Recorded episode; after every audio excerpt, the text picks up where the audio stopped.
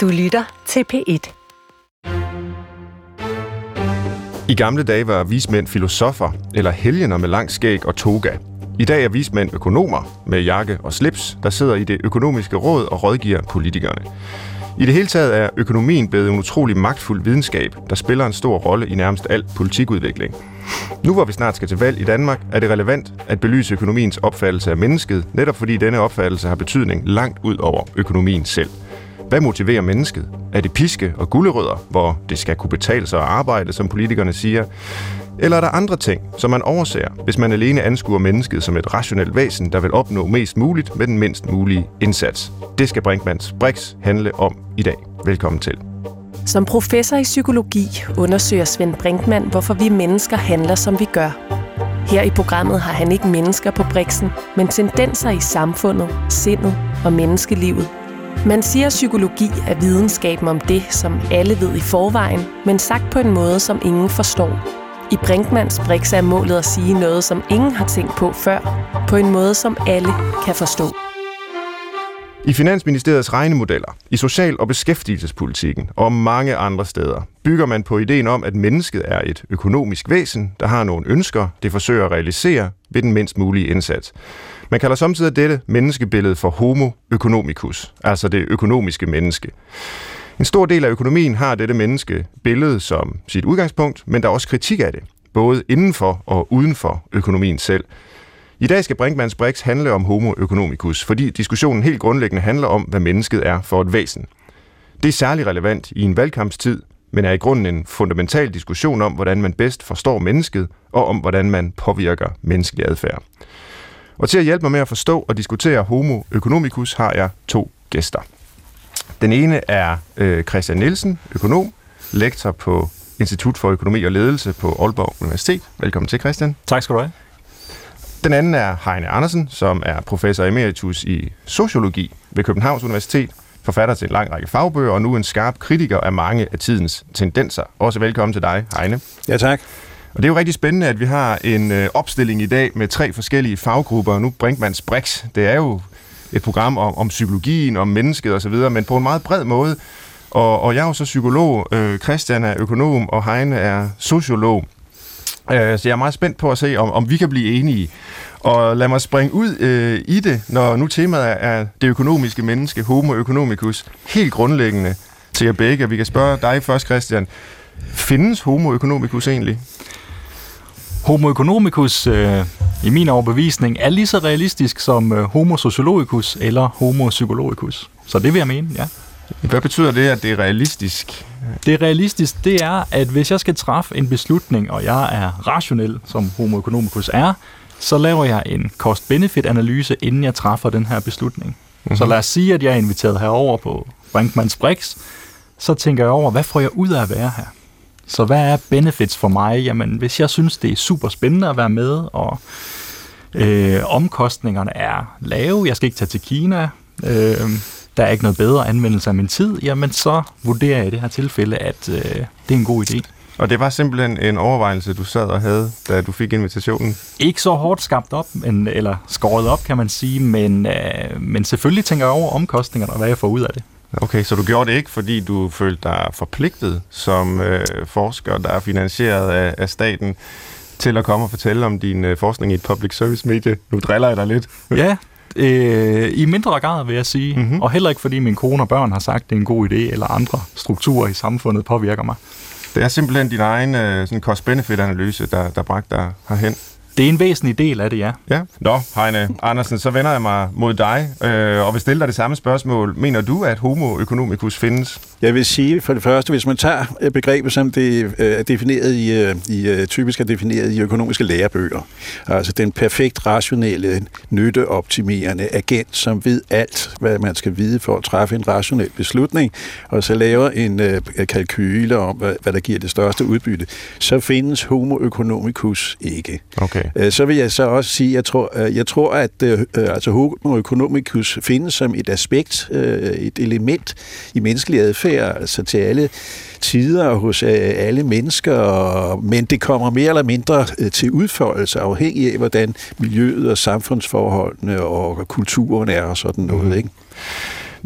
Hvis vi så kan spørge sociologien, øh, den videnskab, du er repræsentant for her, øh, hvad vil den videnskab så fortælle om, hvorfor du må sidder her i dag?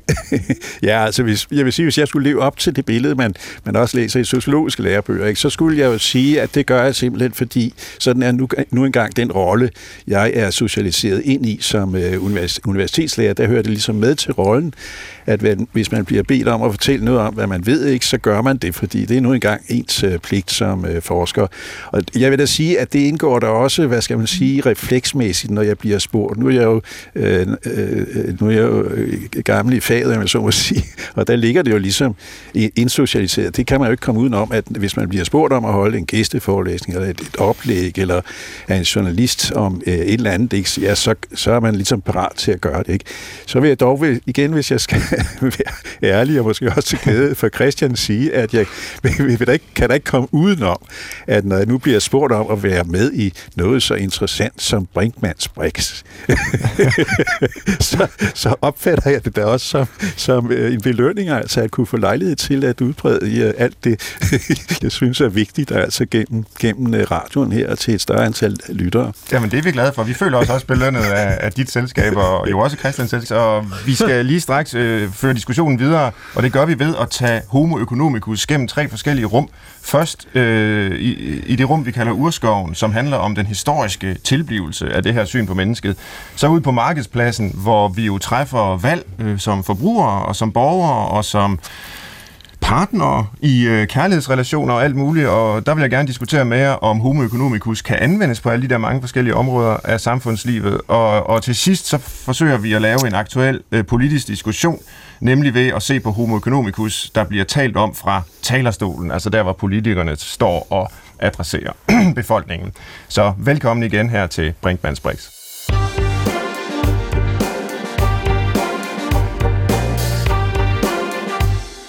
Nå, Heine Andersen og Christian Nielsen, lad os prøve at begynde diskussionen om homo economicus, og vi er bare godt i gang med det med, med en lidt grundigere indkredsning af begrebet og dets historie. Hvor kommer det egentlig fra? Øh, Christian Nielsen, kan du kort ris op, hvor, hvor det her begreb øh, kommer fra? Hvordan er det opstået? Jamen det her omkring øh, rationel adfærd i forbrugsbeslutningen og omkring andre beslutninger, det har sådan set været en del af neoklassisk økonomi øh, helt fra starten af. Så inden jeg øh, gik herind, så tjekkede jeg selvfølgelig lige op på det, som øh, den gode studerende, og så, at du skal helt tilbage faktisk til, øh, til 1870 øh, med Jevons og senere Alfred Marshall. Så det er altså der, vi er, hvor man begyndte at tænke over det her med nyttemaksimering og lån om aftagende marginalnytte, som vi kalder det, at jo mere jeg forbruger en vare, jo mindre får jeg ud af den. Nu, nu, er, det, nu er det jo et psykologiprogram, du taler ind i, så der er allerede mange fremmedord for sådan en øh, blød øh, humanvidenskabsforsker som mig, altså nyttemaksimering og øh, neoklassisk økonomi. Kan du prøve at give sådan nogle, øh, nogle eksempler på, hvor, hvordan man tidligt tænkte om, om homo economicus i begrebets ja, altså, tidlige historie? Jamen, hvis, øh, hvis vi er tilbage i neoklassisk økonomi, så snakker vi om, at øh, vi har nogle aktører, som vi skal finde ud af, hvordan opfører de sig. Og de aktører, vi har, det er virksomheder og husholdninger. Aha. Hvor virksomhederne skal producere nogle varer, så de udbyder varer, og samtidig så efterspørger de arbejdskraft og kapital fra husholdningerne. Og husholdningerne på den anden side efterspørger varer, og så udbyder de deres arbejdskraft og kapital til virksomhederne. Så vi skal forstå, hvordan de her to aktører de, øh, de opfører sig. Og der laver vi så i neoklassisk økonomi den antagelse om, at de udviser maksimerende adfærd. Mm-hmm. Det vil sige, at virksomhederne er interesseret i at maksimere profit. Og husholdningerne derimod, de er interesseret i at maksimere noget, der kalder nytte, noget som er mere øh, diffus, som vi ikke rigtig kan måle på. Vi kan indirekte, men det er en lidt længere historie. okay. Ved at observere folks valg, kan vi se, hvad ligner det, de optimerer på. Men det er nytte kan i princippet være hvad som helst, eller hvordan skal jeg forstå det? er noget, der altså, giver mig hvad som helst, som folk øh, bliver glade for at gøre. Ja, altså... præcis. Så øh, drikker jeg en øl, eller spiser en flødebold, eller ligger på sofaen og ser Netflix, så giver det mig en tilfredsstillelse. Ja, og det, er, det kan godt rummes i et økonomisk begreb om nytte det er sådan set meget interessant, at det kan være nyttigt at, at ligge på sofaen og drikke øl fra et økonomisk perspektiv. Jamen, det er antagelsen, at det øh, arbejde, der er ubehageligt. Har ikke lyst til at øh, arbejde som sådan. Øh, jeg vil hellere slappe af og læse en god bog, men jeg er nødt til at arbejde, hvis jeg skal tjene nogle penge, så jeg kan få noget forbrug, som også giver mig nytte. Så okay. det er det trade-off, jeg står overfor. Hvorfor er det først i 1870'erne, tror jeg, du sagde, at man begynder at tænke om mennesket på den her måde i økonomien? Fordi hvis teorien er korrekt, så har vi vel altid været homo economicus, så har vi vel altid været nyttemaksimerende væsener, øh, altså lige siden menneskehedens barndom på savannen i Østafrika for, hvad ved jeg, halvanden hundredtusind år siden eller sådan noget. Øh, hvorfor skal der gå så lang tid, før man gør erkendelsen i økonomien? Jamen, det, øh, det, det, er et, øh, det er et super spørgsmål, som jeg ikke har noget godt svar på. Øh, men det er jo sidenhen blevet kritiseret meget, så du siger, at det er oplagt. Jamen, det, det er altså blevet kritiseret rigtig meget siden. Mm-hmm. Med at folk, hvis vi skal tage kritikken fra Herbert Simon, som fik Nobelprisen i økonomi og var psykolog, så siger han, jamen folk, eller husholdningerne, de, de optimerer ikke deres nytte, hver gang de træffer et valg. De tilfredsstiller sig selv. Så hvis jeg i bund og grund er tilfreds med mit arbejde, så går jeg ikke hele tiden og tænker over, hvad nytte kunne jeg få ved en anden beskæftigelse. Så jeg tænker ikke hele tiden over alle de muligheder, jeg har. For det er også hårdt, altså, øh, som Herbert Simon diskuterede. Mm-hmm. Jeg har begrænset information. Jeg ved ikke, hvad nytte jeg vil få ud af alle alternativer. Øhm. Det kan være, at vi skal vende os til øh, sociologien så for at få svar på spørgsmålet, hvordan pokker kan det være, at det er så sent i menneskehedens historie, at man laver en videnskab om det nyttemaksimerende menneske, altså homo economicus. Heine Andersen, har sociologien et svar på det? Mm, ja, det, det vil jeg egentlig nok mene. I hvert fald forsøgsvis er der, er der nogen, der har kigget på det. Altså, jeg vil nok sige, at selve, selve ideen om, at mennesker kan være nytte, øh, nytteoptimerende, øh, maksimerende, det kan man jo godt følge længere tilbage, selvom man ikke har haft en videnskab om det, og selvom man måske ikke har haft selve begrebet homo economicus. Og der er jo altså, øh, øh, der er jo altså den tese, at der er ligesom den der særlige rationalitetsform, og den der særlige, særlige øh, nytte og profitmaksimerende tænkning, at det er noget, der hænger sammen med det, der sker der fra renaissancen og frem efter, og hvor man jo så også gradvist får udbredt øh, markedsøkonomierne og nedbrudt øh, de feudale bånd eller hemsko for kapitalismen, som Marx øh, snakker om, ikke? De skal nedbrydes, altså feudalvæsen og alt det, der hæmmer ligesom øh, markedet, det bliver gradvist nedbrudt, og det er med til at frisætte også den øh, økonomiske rationalitet. Og siden har vi jo bare kørt, man kan sige, med markedsøkonomien. Øh, I de fleste lande har man jo sådan set hvor markedsøkonomien får lov til at bestemme rigtig meget. Så øh, generelt kan man sige, at markedet kan mange ting. Men det er klart, der er selvfølgelig også mange markedsimperfektioner, som man også er øh, opmærksom på i dag. Så derfor går man jo også ind for eksempel og for øh, at regulere forurening. Vi accepterer, at der er noget, der hedder offentlige goder, som ikke bliver produceret, hvis ikke staten finansierer det, for eksempel som forsvaret. Så vi har instanser til at se på, hvor er det markedet ikke fungerer. Ja, så der er trods alt grænser for markedets rækkevidde, selvom jeg jo i hvert fald synes, hvis jeg må tillade mig øh, at, at, at fælde den dom, mm. hvis man ser på historiens udvikling over de seneste par hundrede år, så ser det fra min stol ud til, at markedet og, og den logik, der hersker på et marked, som jo er homo economicus logikken, ikke? altså man skal købe billigt, man skal sælge dyrt, man skal finde ud af, hvordan man får mest ud af en bestemt situation, hvordan man i højst mulig omfang kan realisere sine præferencer øh, ved at gøre så lidt som muligt, sådan set. Altså den markedslogik har bredt sig flere og flere steder hen. Og hvis vi så fremskriver Heine Andersens øh, historiske analyse, så kan man sige, at i takt med, at flere og flere områder bliver markedsgjort, hvis I køber den præmis, jamen så vil vi også i stadig flere sammenhæng blive anset for at være homo economicus. Og så kan man jo næsten spørge, jamen er der så steder, hvor vi ikke er homo economicus længere? Øh, Heine Andersen, hvordan øh, ser du på det fra, fra dit sociologiske perspektiv? Jeg mener, det er rigtigt. Der har været en tendens til, at øh, hvad skal man sige, øh, den økonomiske rationalitet har bredt sig ud, ud over markedets område. Øh, der er jo nogen også inden for samfundsvidenskaberne, også inden for sociologien og også inden for politisk videnskab, der sådan set mener, at dette, øh, lad os så kalde det, det, dette billede af mennesker som rationelle egoister, mm. at det er sådan set almengyldigt. Mm-hmm. Og det er ikke noget, der kun gælder, når vi færdes øh, på markedet, øh, men, men det jo også gælder i på det politiske liv, og måske også i privatliv og fritidsliv og så videre, når vi vælger partner og sådan noget, så indgår der også sådan nogle nytte, nytteoptimerende. Ja, ja, der er jo også psykologer, der har ment det. Ja, ja, altså, kalkyler. op ud fra det. Ja. ja, og det er der jo nok noget om. Altså, det kender, kender vi jo også fra ledelsesformer inden for det offentlige, altså New Public Management, og i stigende grad altså styring ved hjælp af incitamenter og sådan noget. Og der må man jo sige, at selvom folk måske ikke fra starten er rationelle, så kan de lære det. vi, kan, mm. vi kan lære at blive rationelle, ikke? og dem, der ikke tilpasser sig disse styringsteknikker, de, bliver, øh, de kan risikere at blive tabere i systemet. Ikke? Øh, og, og så derfor er der den tendens til, at øh, det ligesom breder sig ud over flere og flere øh, øh, øh områder i det sociale liv. Vi har det jo i nogle af samfundets øh, væsentligste institutioner, øh, øh eksempelvis øh, universitetsverdenen, hvor vi jo alle tre øh, kommer fra, altså som, hvor de siden Helge Sanders dage som forskningsminister har heddet fra forskning til faktura. Øh, altså universiteterne er ikke institutioner, der producerer viden for videns egen skyld længere. De er i høj grad øh, profit, eller institutioner, der skal hjælpe samfundet med at maksimere profitten, ikke? Ved at skabe flere patenter og, og forbedre bruttonationalproduktet og forbedre konkurrenceevnen og hvad ved jeg. Vi har det måske også i folkeskolereformen, i, i det nogen kalder konkurrencestaten, hvor, hvor, hvor børnene de ikke skal have viden for at blive dannet samfundsborgere, men for at kunne, kunne deltage i en global konkurrence på et marked. Altså, så nu, det er jo så en, en forfaldshistorie, hvis man er sådan nostalgisk øh, dannelsesforsvar, som jeg i hvert fald er. Øh, og, og, og der er I jo som økonomer, nu kigger jeg på dig, Christian, ja. ofte blevet, øh, måske med urette, men, men ofte blevet set som, som bagmændene bag den her økonomiske rationalitet, der breder sig alle mulige steder hen, hvor nogen af os ikke rigtig synes, den hører hjemme. Hvad vil du sige til dit forsvar? Jamen, jeg vil sige til mit forsvar, at nu sad jeg også øh, og fulgte diskussionen her, øh, og øh, der er to ting, der lige springer i øjnene, synes jeg. Det første, det er, at der er jo ingen, der siger, at hvis jeg skal have et incitament til at gøre noget, så er det et økonomisk incitament. Ud fra det, vi lige har snakket om, så er det nyttemaksimerende. Så i stedet for at sige, skal jeg have et incitament til at arbejde mere, hvis du får en skat, så skal jeg have en skattelettelse. Det er ligesom fortolkningen for politikerne. Men hvis jeg ved, at hvis jeg afleverer mine børn i institutionen, at, at jeg ved, de hygger sig, og der er nogle pædagoger rent faktisk til stede, så kan det også give mig et incitament. Måske der er stærkere end det økonomiske.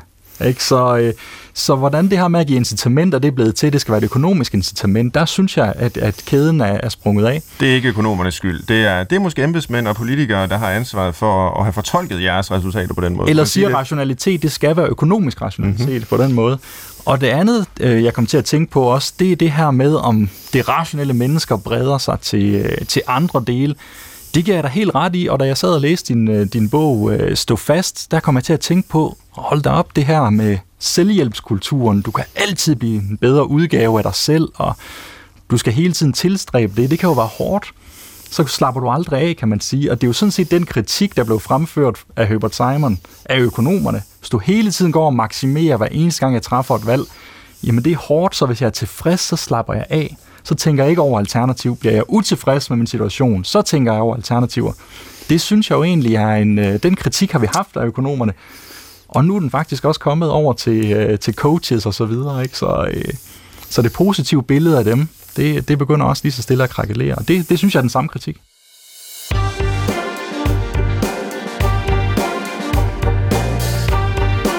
Lytter til Brinkmanns Brix, hvor jeg i dag har besøg af økonom Christian Nielsen, sociolog Heine Andersen, og jeg er jo altså psykolog øh, Svend Brinkmann, og sammen der kigger vi på det økonomiske menneske, som samtidig kaldes homo economicus. Og lad os tage en tur ud på markedspladsen med Homo economicus. Øh, her i Aalborg, der tager vi for eksempel i Storcenteret.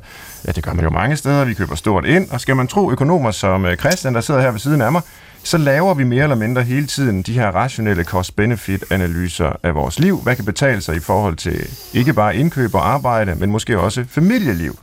Eller gør vi?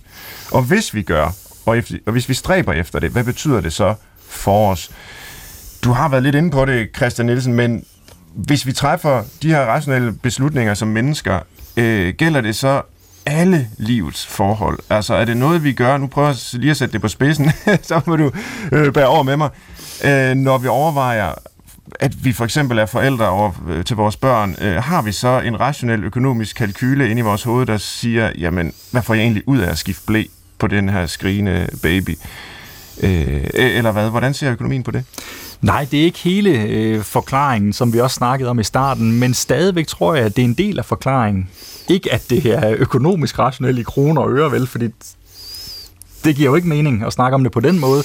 Men man tænker der over, at hvis jeg har en lyst til det her, hvis jeg virkelig tror, det giver mig noget tilfredsstillelse at være forældre, jamen så indgår det i dine benefits. Og folk, vi kender selv diskussionen med hensyn til omkostninger. Åh, oh, jeg vil lige vente nogle år, fordi lige nu på arbejdsmarkedet, der passer det ikke så godt ind. Og, altså folk, tror jeg, der sidder og planlægger det her, så kan der være nogen, hvor det overhovedet ikke er planlagt, vel? Altså, øh, man har været i byen, ikke? Men, men øh, folk er forskellige, men det ændrer ikke ved, at nogen måske træffer beslutningen på en måde, hvor der er en cost-benefit-analyse, andre træffer måske beslutningen, fordi det bliver forventet af dem. Mm. Nu er du så gammel, nu skal du også have nogle børn. Øh, eller Jeg tror, det jeg efterlyser, det er, om der i økonomien er en forståelse af, Øh, og, og det er ikke fordi psykologien sådan set har den forståelse. Jeg synes i høj grad, at min egen videnskab mangler den. Mm. Øh, men jeg gør så mit for at prøve at, at introducere den, der vil jeg sige. Men er der i økonomien en forståelse af, at mennesket faktisk kan være motiveret af, af, af fænomener, der har egen værdi? Altså hvis nu man vil, for eksempel, man vil sige, jamen du har et ansvar for dine børn, Øh, og om de er der øh, som et uheld eller ej, det er måske i virkeligheden underordnet. Når de nogle gange er der, så har du et ansvar for dem. Det er sådan set ligegyldigt, hvad du får ud af at, at tage dig af det her barn. Du er forpligtet til at gøre det, uanset. Øh, og det, det, det er du, fordi at, øh, ja, nu lyder som en præst, der sidder og doserer over for dig, det må du undskylde, det er, bare, det er jo bare et eksempel. Ja. Øh, det, det er du altså, fordi det har værdi i sig selv at tage vare på et sådan menneske, der er kommet ind i dit liv. Og den økonomiske markedslogik der er, er, er fuldstændig ligegyldigt i forhold til det. Men her snakker jeg ikke markedslogik. Hvis, Nej, du, okay. hvis, hvis jeg har fået børn skidt med, hvordan man har fået dem, hvis mine børn ikke trives, og det gør, at jeg får det ubehageligt, så er det jo noget, der indgår i min, øh, hvad kan man sige, i min rationalitet her.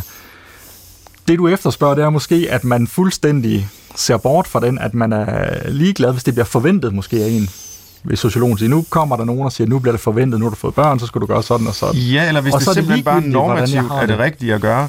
Altså ligesom du kan sige, jamen der, der er et regnestykke, der står 2 plus 2 er lige med.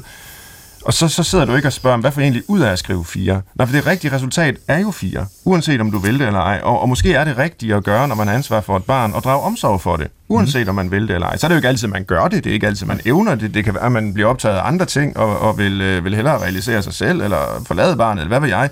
Øh, og så kan vi så fordømme vedkommende. Men det, at der findes noget her i verden, vi bør gøre, øh, uanset cost-benefit-kalkyler. Selvfølgelig, det er det. selvfølgelig kan der det, Ja. og det er heller ikke, fordi jeg siger, at alt er en cost benefit. Nej. For så, så det, jeg mener, det er, selvfølgelig kan der være noget biologisk eller psykologisk i det, som forklarer det, men det ændrer ikke ved, at det måske gælder for, øh, for nogen, men for andre, der ser man børn blive afleveret øh, som hittebarn. Ikke? Altså, Jo. at, at for nogen træffer valg på den her måde, andre gør ikke. Og det, øh, vi kan sagtens sidde og diskutere, hvad er rigtigt og forkert, men økonomer er tit øh, ikke så interesseret i den debat. Vi prøver at forklare, kan vi forklare, hvad der sker, om det så er rigtigt eller forkert. Og jeg tror, der er nogen, der træffer beslutning på den måde, ligesom der er andre, som ikke træffer beslutning på den måde. Mhm. Givetvis. Hvad vil du sige, øh, Hein Andersen? Er der øh, områder i vores liv, øh, det er jo det, jeg prøver at efterlyse her, hvor homo economicus-modellen af mennesket overhovedet ikke passer, eller måske overhovedet ikke hører hjemme? Øh, ja, i hvert fald det sidste.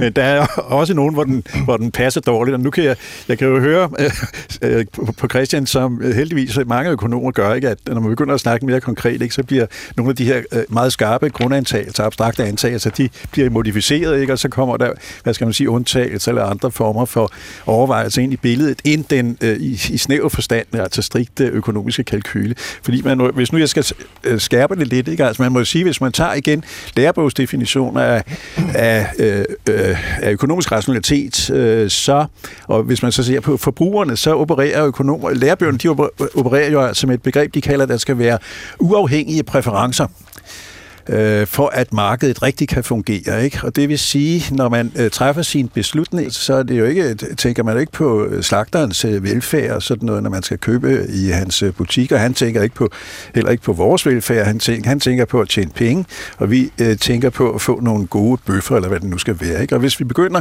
at indregne, som nu Christian gjorde, altså med, med børnene, hvordan de nu har det, ikke? Ja, så, så overskrider man jo altså den der antagelse om øh, uafhængige præferencer.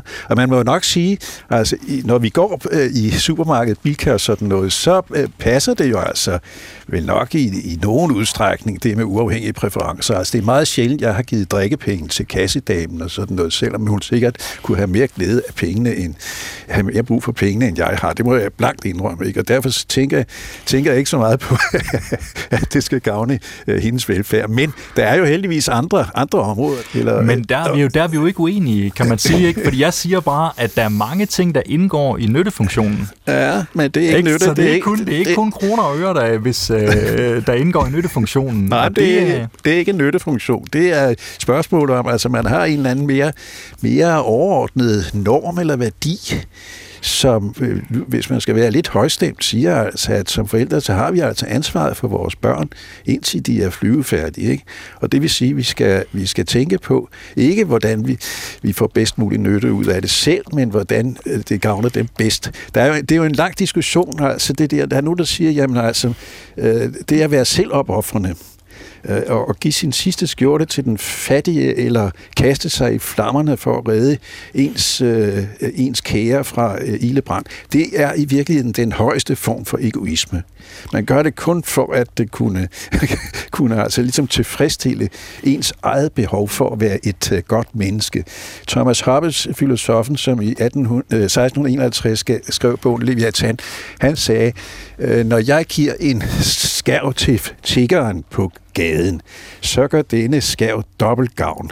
Tiggeren får det bedre, og jeg får det også bedre ved at kunne mærke, at jeg er et godt menneske. Ikke? Og det kan man så, der vender man ligesom altså øh, altruisme eller et eller andet værdirationalitet til at være en, en særlig form for egennyt. Og der kan det let blive altså en, en, en, en, en diskussion om øh, begreber og, og ordkløveri og sådan noget. Men altså, jeg, jeg vil hæve et andet eksempel, hvis jeg lige må have lov. Øh, nu har vi værdirationaliteten, altså øh, Habermas taler jo om kommunikativ rationalitet, eller den form for fornuft, som går ud, i, går, går ud på i fællesskab, i dialog, og finde ud af, hvad der er rigtigt. Og det kan altså være, hvad der nu er sandt, om det, hvad der er tilfældet, eller det kan være, hvad der er en god norm. Ikke? Og der, er, der kan det, det kan ikke fungere, hvis det ligesom er drevet af egen nytten. Der er jo også øh, mange resonemanger og også eksperimenter, der viser, at hvis, hvis folk virkelig var drevet af den, øh, af den rene egennytte, så kunne samfundet simpelthen ikke fungere. Der kunne ikke mm. Øh, skabes øh, kollektive goder, der kunne ikke... Og så, der er et berømt resonemang inden for politologien af en, der hedder Dawn, som hedder øh, afstemningsparadokset, som jo siger, hvis, øh, hvis, øh, hvis vælgere de virkelig skulle være egocentrisk rationelle, når de skulle øh, overveje, hvad de skulle stemme, så ville det mest rationelle være at lade være med at stemme. Fordi omkostningerne ved at sætte sig ind i, hvad pokker de her politikere nu lover, om man kan stole på det, de overstiger langt altså øh, den øh, mulige gevinst, man kan få, hvis ens egen stemme skulle blive udsigtsgivende. Så det vil være rationelt at lade være med at stemme. Nu kan man se, at de fleste, de går faktisk hen og stemmer. Enten så er det, fordi de ikke er rationelle, eller også øh, så er det, fordi der er en anden form, en højere form for rationalitet, end den rent egocentriske og egennytteorienterede. Så nu bliver, eller, eller også så skal man sige, at øh, der er nogen faktisk sofa-vælgere, som tænker, at det er rationelt at blive hjemme. ja. Og der er nogen, der laver det rationelt, at det betyder faktisk noget, hvem der vinder valget, og min stemme gør en forskel, så derfor er det rationelt at tage hen og stemme. Du har lagt dig på Brinkmanns Brix her på B1. Vi ender jo måske lidt med en, en mærkelig konklusion, at mennesket altid øh, er, er rationelt, altså hvis man tager homoøkonomikus perspektivet, og at den beslutning, man så ender med at tage, hvad enten man er sofavælger, eller at man faktisk går hen og stemmer, jamen det er så den rationelle beslutning, fordi man gør jo det, man har mest lyst til, øh, nærmest per definition. Øh, og, og jeg tror, det, jeg, det jeg spørger til her, det er selve det her rationalitetsbegreb. Nu har en Andersen været lidt inde på det, altså det kan måske betyde flere forskellige ting. Øh, der er dels den rationalitet, der handler om, hvordan opnår jeg mine mål. Altså, jeg har nogle mål, jeg har nogle ønsker, jeg har nogle præferencer. Hvilke midler skal jeg bringe i anvendelse, for at jeg i videst mulig omfang kan realisere de mål, jeg har? Så er der så nogen, der vil sige, jamen det er den eneste rationalitet, der findes, fordi vi kan ikke rationelt diskutere, hvilke mål jeg bør have. Øh, det eneste, vi kan diskutere, det er midlerne til at realisere vores mål. Men så er der jo den anden rationalitetsform, som ikke handler om, hvordan jeg realiserer mine mål, men som handler om, hvilke mål jeg i det hele taget bør have Altså, og, og, og, til, til den disku- og det er jo der, vi har etikken. Det er der, vi har den normative øh, politikudvikling, som ikke bare handler om, hvordan vi får et samfund, der realiserer flest mulige præferencer, men om hvilke præferencer folk overhovedet bør have, og hvordan et samfund bør danne mennesker til at have bestemte referen- øh, præferencer, eksempelvis over for det demokratiske øh, samfund, de er en del af, øh, som gerne skulle videreføres og sådan noget. Der, der, der må man vel indrømme, nu det er et ledende spørgsmål, Christian øh, Nielsen, men at, øh, at, at homo economicus kan ikke rigtig fange, hvordan, øh, altså diskussionen om, hvilke øh, mål vi bør have. Nej, det har du helt ret i, øh, og derfor og det, og det går helt tilbage også fra før Adam Smith, der beskæftigede han sig også om, øh, omkring moralfilosofi, og hvad, at markedet, der er den synlige hånd, er effektiv, men hvad skal der findes et marked for? Altså ud fra etik, kan man mm. sige. Og den gælder jo øh, også i dag, kan man sige, ikke? Fordi hvad med, skal der være et marked for forurening? Skal der være et marked for sex? Skal der være et marked for børn? Altså, du kan jo godt se, det vil de fleste sige, jamen, øh, det vil vi ikke være med til. Marked for narkotika og så videre. Så derfor er man jo nødt til at finde ud af, hvad skal der være et marked for, hvor agenterne så kan opføre sig øh, rationelt indenfor. En, øh, en interessant case, som jeg lige har brugt på MBA her i Aalborg, var øh, en situation fra USA i 2015, hvor en person, der hedder Martin Shrekley, han købte rettighederne til at sælge Daraprim, Øh, og så øh, hævede han prisen på det her øh, lægemiddel, som var vigtig for øh, HIV-patienter, fra 1700 dollars, tror jeg det var, per pilleglas med 100 piller til 75.000 dollars. Ja. Og han sagde, det er profitmaksimering, og øh, jamen, det er den profitmaksimerende pris. Fuldstændig tager etikken ud af det. Og det blev selvfølgelig diskuteret i USA, men man vidste ikke helt, hvad man skulle gøre. Altså, så det er jo et altså, eksempel han, på... Han fulgte reglerne. Han fulgte, han fulgte reglerne, og han sagde, jamen ved du hvad, det er dyrt at udvikle øh, nye lægemidler, det koster rigtig mange penge i forskning og udvikling, det skal der er en lang godkendelsesproces, så hvis der ikke er den her overnormal profit, jamen så bliver der ikke udviklet nye øh, lægemidler. Men samtidig så var det også ekstrem, kan man sige. Øh, og det var livs, livsvigtig medicin, det her. Så, øh, så selvfølgelig er der en masse situationer, hvor du er nødt til demokratisk at sætte rammebetingelserne. Et andet eksempel, en af mine øh, økonomikolleger, der diskuterer om det er rigtigt eller forkert, det ved jeg sådan set ikke, men det er i hvert fald en, en god historie, som illustrerer, hvor langt man kan trække det her rationalitet. Hvor han siger, at i Verdensbanken diskuterede man på et tidspunkt, om der var for lidt forurening i ulandene. Så hvis der er noget, man ved, man bliver syg af forurening, jamen så skal vi flytte det ned, hvor levealderen alligevel er, er kort, og hvis de er ved at dø af sult, jamen så kan man kompensere det med penge. Det er jo et ekstremt og rigtig grimt syn, det her. Meget kynisk. Meget kynisk syn. Øh, om det er rigtigt, at der har fundet sådan et øh, notat her i en, i en væsentlig institution. Øh, det, det er jo et ekstremt syn, så den skal vi jo ikke ud i. Vi skal jo Nej. sætte rammebetingelserne, de etiske men, rammebetingelser. Men kan man, man, man kan vel sige, at på homo economicus egne præmisser er det jo slet ikke en, øh, en, en utænkelig øh, forestilling, at der har været den slags overvejelser der. Altså fordi homo economicus er på sin vis renset for værdier. Altså værdirationaliteten er der ikke. Der er kun øh, spørgsmålet om, hvordan vi optimerer Ja, men selv Adam Smith, som jeg siger, ja. diskuterer det her, siger, at markedet er effektiv, ja. og hvis ud fra egen interesser kan du nå frem til en situation, der er, der, der er optimal. Han diskuterede, hvad skal der eksistere et marked for? Hvor ja. langt kan vi tage den her markedstænkning? Så den er jo alt afgørende. Og på det tidspunkt øh, kan jeg øh, oplyse lytterne om, fordi det har jeg engang studeret, der var økonomien en del af det, man under et kaldte the moral sciences. Det var sådan, før der fandtes humanvidenskab og samfundsvidenskab og alt det her sådan, som adskilte domæner.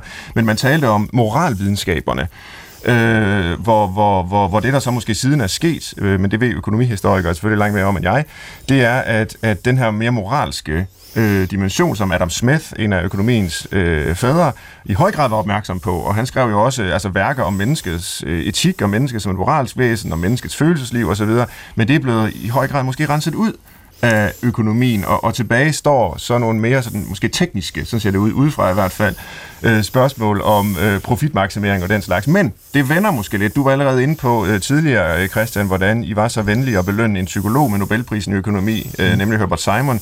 En anden psykolog, der har fået Nobelprisen i økonomi, var jo Daniel Kahneman, der modtog den i begyndelsen af nullerne, blandt andet for, som jeg forstår det, at have rokket ved forestillingen om homo economicus øh, øh almene gyldighed, hvor han jo har lavet øh, Kahneman nogle eksperimenter øh, sammen med økonomer, sammen med en masse kolleger, men hvor de øh, giver folk øh, en sum penge, og, øh, og den person, der så får nogle penge, skal dele det med en anden person, som vedkommende ikke kender, som vedkommende aldrig har mødt før, som vedkommende ikke skylder noget, og sandsynligvis aldrig vil møde igen. Og der kan man jo sige fra homo economicus perspektivet, jamen der ville det være rationelt at beholde alle pengene selv. Øh, fordi at øh, Et- man, man, man ser ikke den anden igen, vel? Altså det, Eksperimentet går ud på, det The Ultimatum Game, du snakker om. Ja, både det, og så det, der hedder diktatorspillet. Okay, ja. det, det Ja. er to altså, Yes. yes. ja, beslægtede eksperimenter, ikke også? Ja. I den ene, der øh, det du kalder, eller det, det hedder det jo, uh, ultimatum game, Ja. ultimatumspillet, der er det den person, der modtager beløbet, der skal tage stilling til den sum, man får tilbudt. Og hvis vedkommende accepterer den, så får man det. Så hvis nu den, der giver, har 1000 kroner og tilbyder den anden 200 kroner og vil beholde 800 selv, jamen så skal den anden tage stilling til, er det egentlig okay, at jeg nøjes med at få 200, mens den anden får 800? Præcis. Og der er der jo mange, der vil sige, nej, men det er sådan set ikke okay.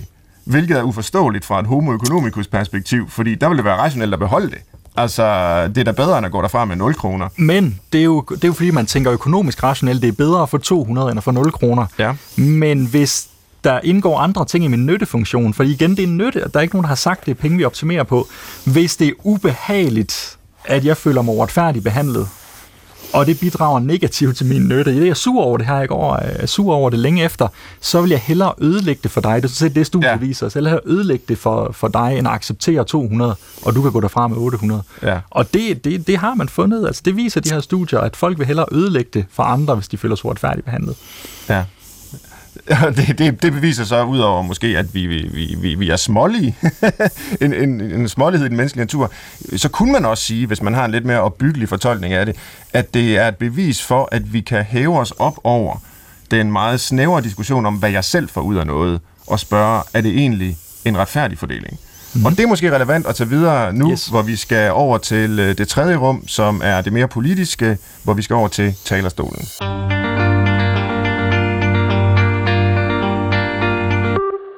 Ja, her i Brinkmanns Brix diskuterer vi i dag det økonomiske menneske, homo economicus. Det gør vi fra et økonomisk perspektiv, repræsenteret ved Christian Nielsen, fra et sociologisk perspektiv, repræsenteret ved Heine Andersen, begge øh, forskere fra henholdsvis Aalborg og Københavns Universiteter, og så øh, fra mit psykologiske perspektiv, øh, øh, og, og, og ja, jeg hedder jo Svend Brinkmann. Og, og her i i det sidste rum, vi skal undersøge homo economicus i, der skal vi forsøge at relatere diskussionen til øh, det politiske til valgtid. Fordi det er jo snart valg, og øh, et sådan valg, og, og den valgkamp, øh, der, der, der vil foregå, er jo fuld af, af løfter om vækst.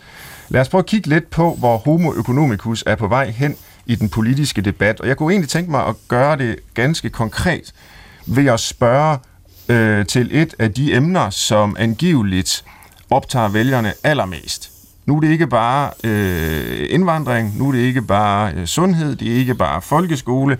Spørgsmålet om klima og, og klimaforandringer og den menneskeskabte klimaforandring er kommet utrolig øh, højt op på, på, på øh, vælgernes øh, dagsordner over væsentlige temaer. Og, og partierne øh, følger jo selvfølgelig med øh, i, i den bevægelse og, og, og har forskellige løsninger på det.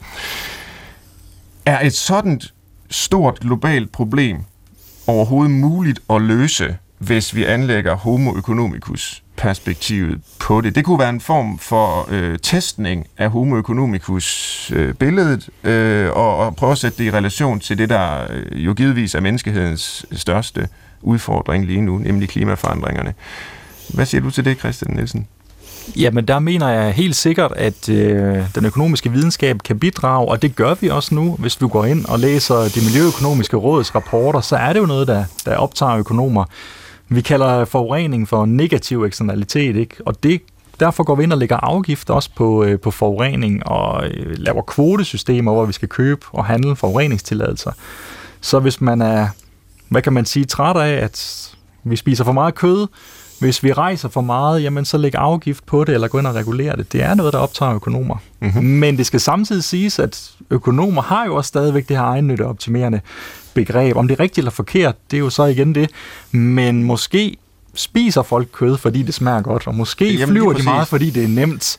At, øh, Og det er jo grunden til, at jeg vælger netop det, Tid ved øh, det, så derfor skal vi heller ikke være man kan sige, at der har været meget op i medierne. Hvorfor gør vi ikke noget, og verden eksploderer i morgen? Jamen, du er stadigvæk nødt til at tænke over, jamen folk opfører sig på den her måde, måske fordi det er rationelt. Og det Ja. er sjovere at sidde i en flyver, end det er at køre i bil i Og det er jo derfor, jeg vælger det tema her, fordi man kan sige, øh, hvad får verden ud af, at lige præcis jeg spiser mindre oksekød eller flyver mindre. Jeg er en blandt 7,5 milliarder mennesker, og, og problemet er selvfølgelig, hvis vi alle sammen tænker sådan, jamen så er der ikke nogen, der, der ændrer adfærd.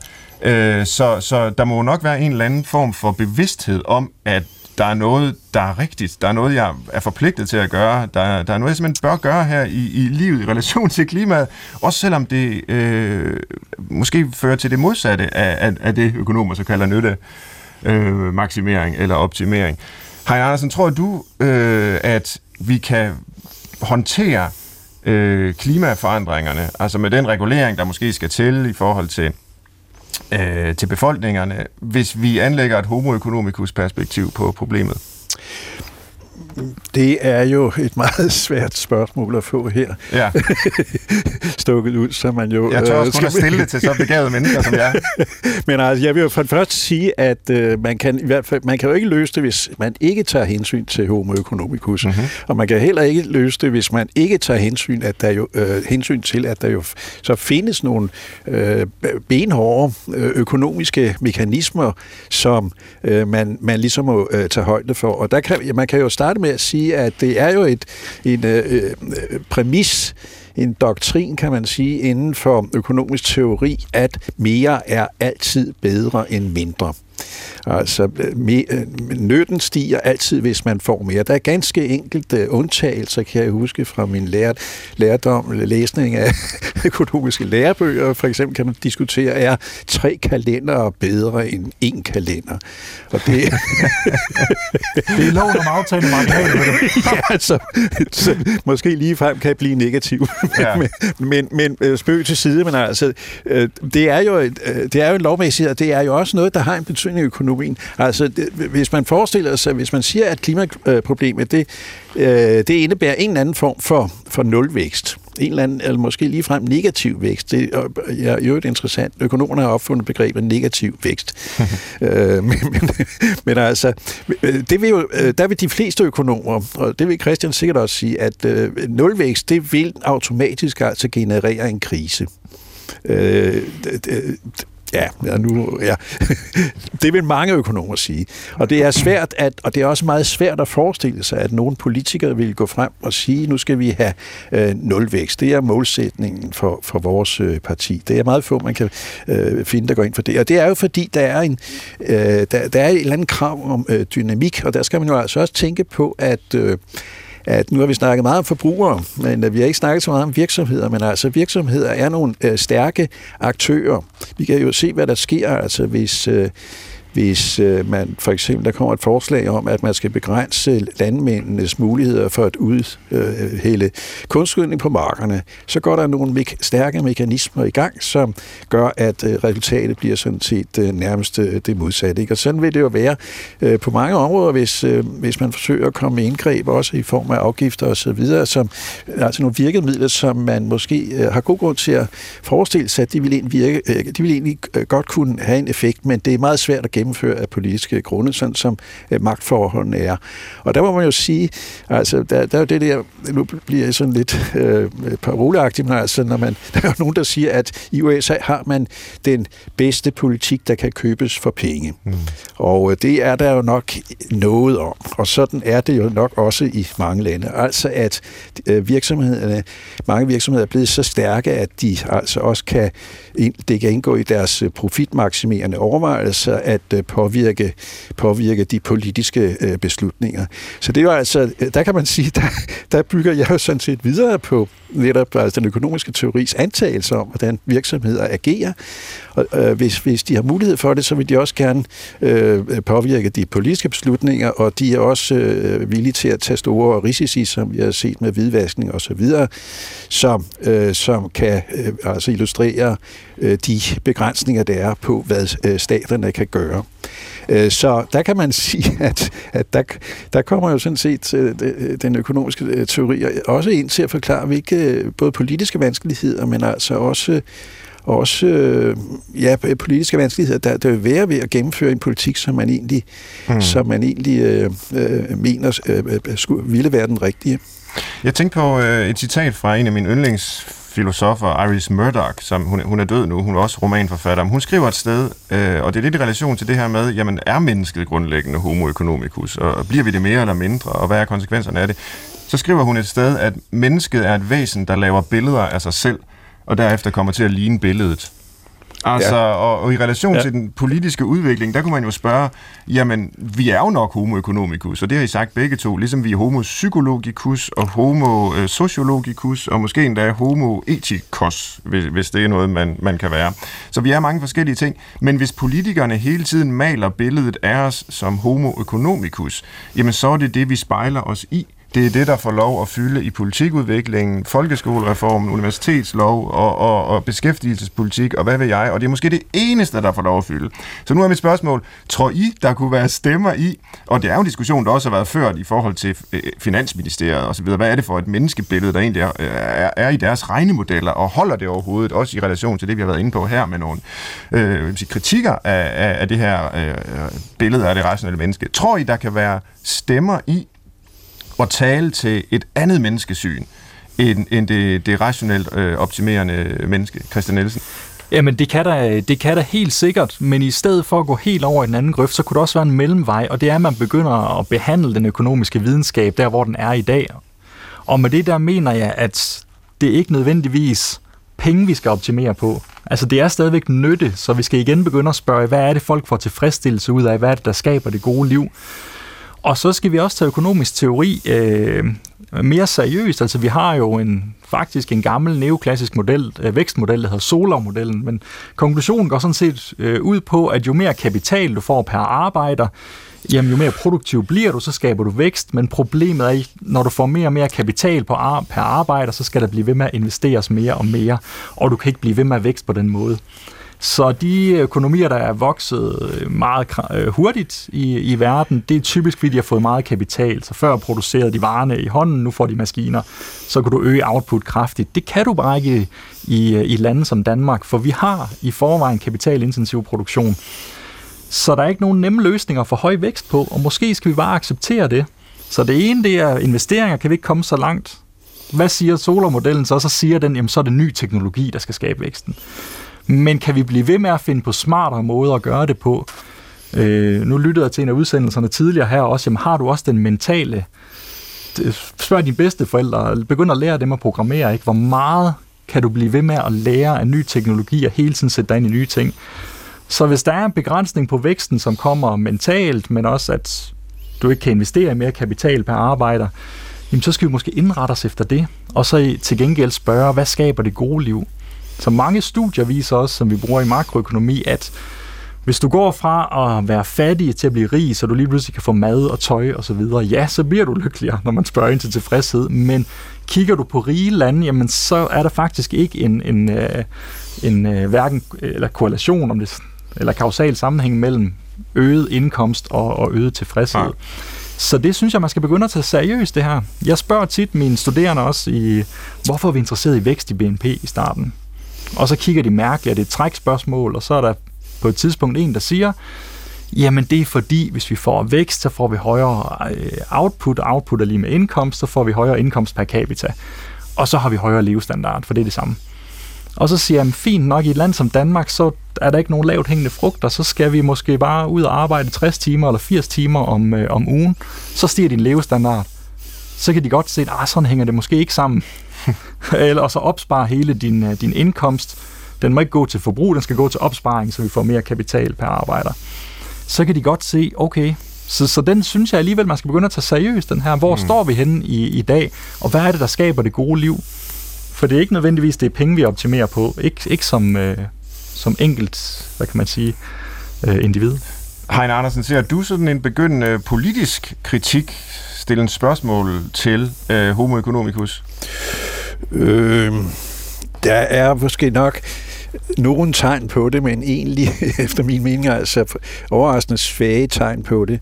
Altså, jeg, jeg omgås jo en del, en del økonomer og, og diskuterer også med dem, og øh, der er jo mange, egentlig også økonomer, der undrer sig over, at nu havde vi en kæmpe finanskrise i øh, 2008-2009, som jo ikke sådan set ikke, øh, som stadigvæk har eftervirkninger. Hvis man så kigger efter, hvad der undervises i på økonomistudierne, så er der altså ikke sket ret meget.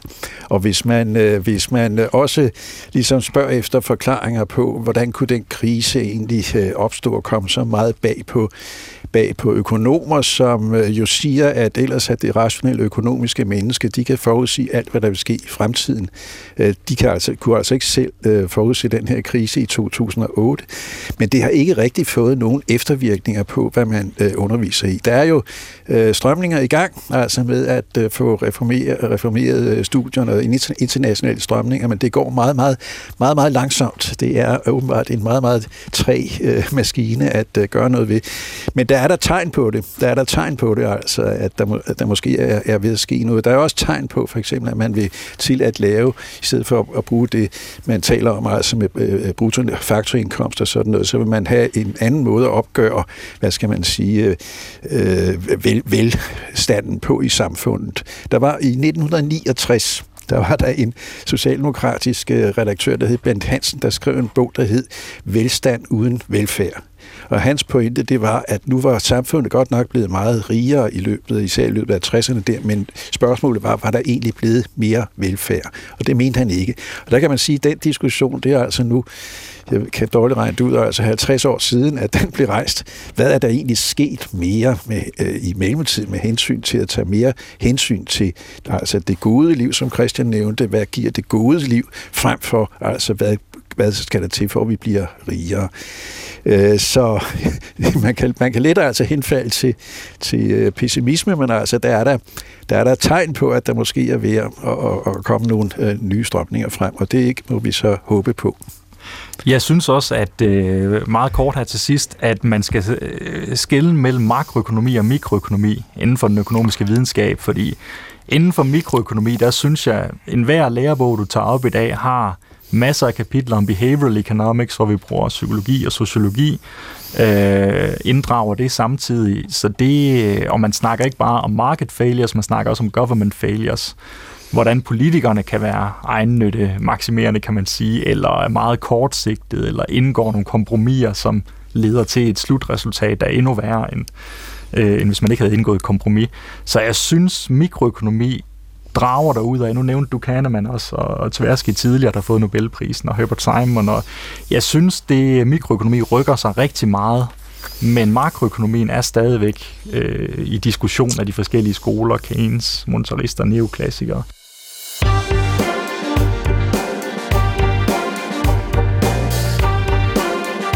Vi slutter gerne Brinkmanns Brix med at lave en liste, øh, gerne med, med tre punkter, og, og i dag har vi jo talt om homo economicus, og, og sådan set kan man vel sige psykologien i økonomien, eller i hvert fald, hvad det er for et menneskebillede, som en del, ikke øh, hele den økonomiske videnskab, men en del af den økonomiske videnskab baserer sig på. I en valgkampstid kan vi så skrive tre måder øh, frem, som politikere kan bruge viden om homo economicus på. Øh, så tror jeg, det kunne være interessant, både for de politikere, der måtte lytte til programmet, men måske også for alle de vælgere, øh, som skal ud og stemme, og som måske kan blive opmærksomme på måder, de risikerer at blive misbrugt på, hvis de bliver øh, set på øh, af politikerne på en, på en lidt snæver måde måske. Så tre måder, politikerne kan bruge homo economicus. Øh, har, har I bud på det? Hein Andersen, du Altså, det ser ud som om, du har. jeg har jo nogle bud på, hvordan jeg tror, de vil bruge ja. den. Jo, jo, men det, det, det er også fint. Hvis det er det, fordi ja. der, jeg mener, der er jo den øh, gode gamle der er jo den, den gode gamle teknik med, med valgflæsk. Mm-hmm. Altså at øh, øh, give nogle løfter om øh, for, økonomiske forbedringer på den ene eller den anden måde. Ikke? Ja. Og det, ja, det har vi jo allerede eks, set eksempler på. Så er der jo den anden, øh, det er jo så, øh, den anden måde at bruge det på, det er jo så øh, vil måske også... Øh, altså, det er jo så det der med det muliges politik. Altså, at det, som øh, foreslås, det skal være muligt, og det er jo så det, vi øh, tit hører i debatterne, altså hvis der kommer med et eller andet øh, forslag om, at nu skal der være øh, bedre pensionsordninger og sådan noget, så lyder argumentet, jamen har du en, lavet en, et regnestykke på, øh, hvordan, hvordan omkostningerne skal dækkes, ikke? Mm. Og det er jo, det, øh, ja, og det er så også helt sikkert en måde, som vi, vi støder på, og som vi jo øh, allerede er øh, stødt på. Øh, det tredje, det kunne man så øh, håbe på, altså også ville komme frem, og det er jo sådan noget af det, der er kommet frem her, altså at, øh, at pege på øh, begrænsninger i homo mm-hmm. og også at pege på, jeg er meget, meget enig med, også med det, som øh, Christian har sagt, altså med at pege på, at der er der, er der mange ting, som øh, gør, gør livet bedre for os, men som, øh, som altså går ud over den snævre øh, økonomiske nytte, altså at vi kan blive, øh, vi kan øh, få det bedre bedre altså med, med, ved at gøre ting og prioritere ting, som, som ikke øh, umiddelbart altså øh, koster noget eller indgår i det øh, økonomiske markedssystem. Mm-hmm. Det var imponerende at, at skyde tre øh, punkter ud af ærmet der. Christian, har du øh, supplerende punkter? Kan, kan du skrive under på Heines her? Altså valgflask, det mulige politik, og, og så som det tredje, og, og måske øh, mest interessante, peger også på begrænsningerne ved homo economicus. Øh, Helt sikkert. Ja, jamen, jeg synes, det er tre gode punkter. Øh, hvis jeg skal supplere, så vil jeg igen gå ind i den her med at øh, være lidt kritisk over for homo economicus. Den måde, han bliver fortolket på. Mm. For det er jo også det, vi har snakket meget om i programmet her i dag. Ja. For vi har ikke sagt, at det, borgerne er interesseret i, det er, det er højere indkomst. Og al politik, der handler om at ændre incitamenterne, det skal gå på øget indkomst. Altså, hvis, hvis homo economicus er, er nyttemaksimerende, hvad kan så skabe en bedre, større, højere nytte, højere tilfredsstillelse, det gode liv, øh, så vær åben over for den. Øh, og lad være med at, hvad kan man sige, øh, man skal også acceptere, det er det næste, at politikerne, jamen, de kan også sidde med økonomer, og så, jamen, økonomerne siger det her, og så derfor er sammenhængende på den her måde. Vær kritisk over for det. Altså, der er forskellige økonomer, som vi også måske har fået et indtryk af her i dag. Altså, øh, de, de øh, udfører et job, hvor de skal varetage de interesser, politikerne har, og så komme med de økonomiske argumenter, der taler for det. Mm-hmm. Så vær kritisk over for det. Øhm, det er en god tilføjelse, synes jeg. Øh, husk på, at økonomer er forskellige. Politikere kan vælge økonomer, der i højere grad end andre bakker deres analyser og synspunkter ja. op. Og tænk på, det, tænk på det gode liv. Hvad er det, der vil gøre dig mere tilfreds generelt i livet, og hvordan kan de politikker føres ud? Og den sidste, det er, pas på at falde i den her med, nu gider vi ikke homo economicus længere, fordi han er blevet fremstillet på den her måde af, af måske politikere og nogle økonomer, så gider vi ikke økonomi længere. Så alt det, der hedder for eksempel frihandel og nogle markeder, lad dem passe sig selv, det skal vi væk fra igen, fordi vi skal også huske stadigvæk, at der er altså også nogle ting, som markedet kan, og der er også nogle ting, som frihandel har gjort, at vi faktisk har øh, en høj levestandard i dag. Det er et godt sted at slutte. Tak både til dig, Christian Nielsen, til dig, Heiner Andersen, til alle, der måtte lytte med. Det var, hvad vi nåede om Homo economicus. Maja Hall producerede i dag øh, udsendelsen. Man kan skrive til brinkmannsbrix, dr.dk med ris, ros og idéer. Tak til alle sammen. Vi høres ved, håber jeg, i næste uge. Samme tid, samme kanal. Tak for nu.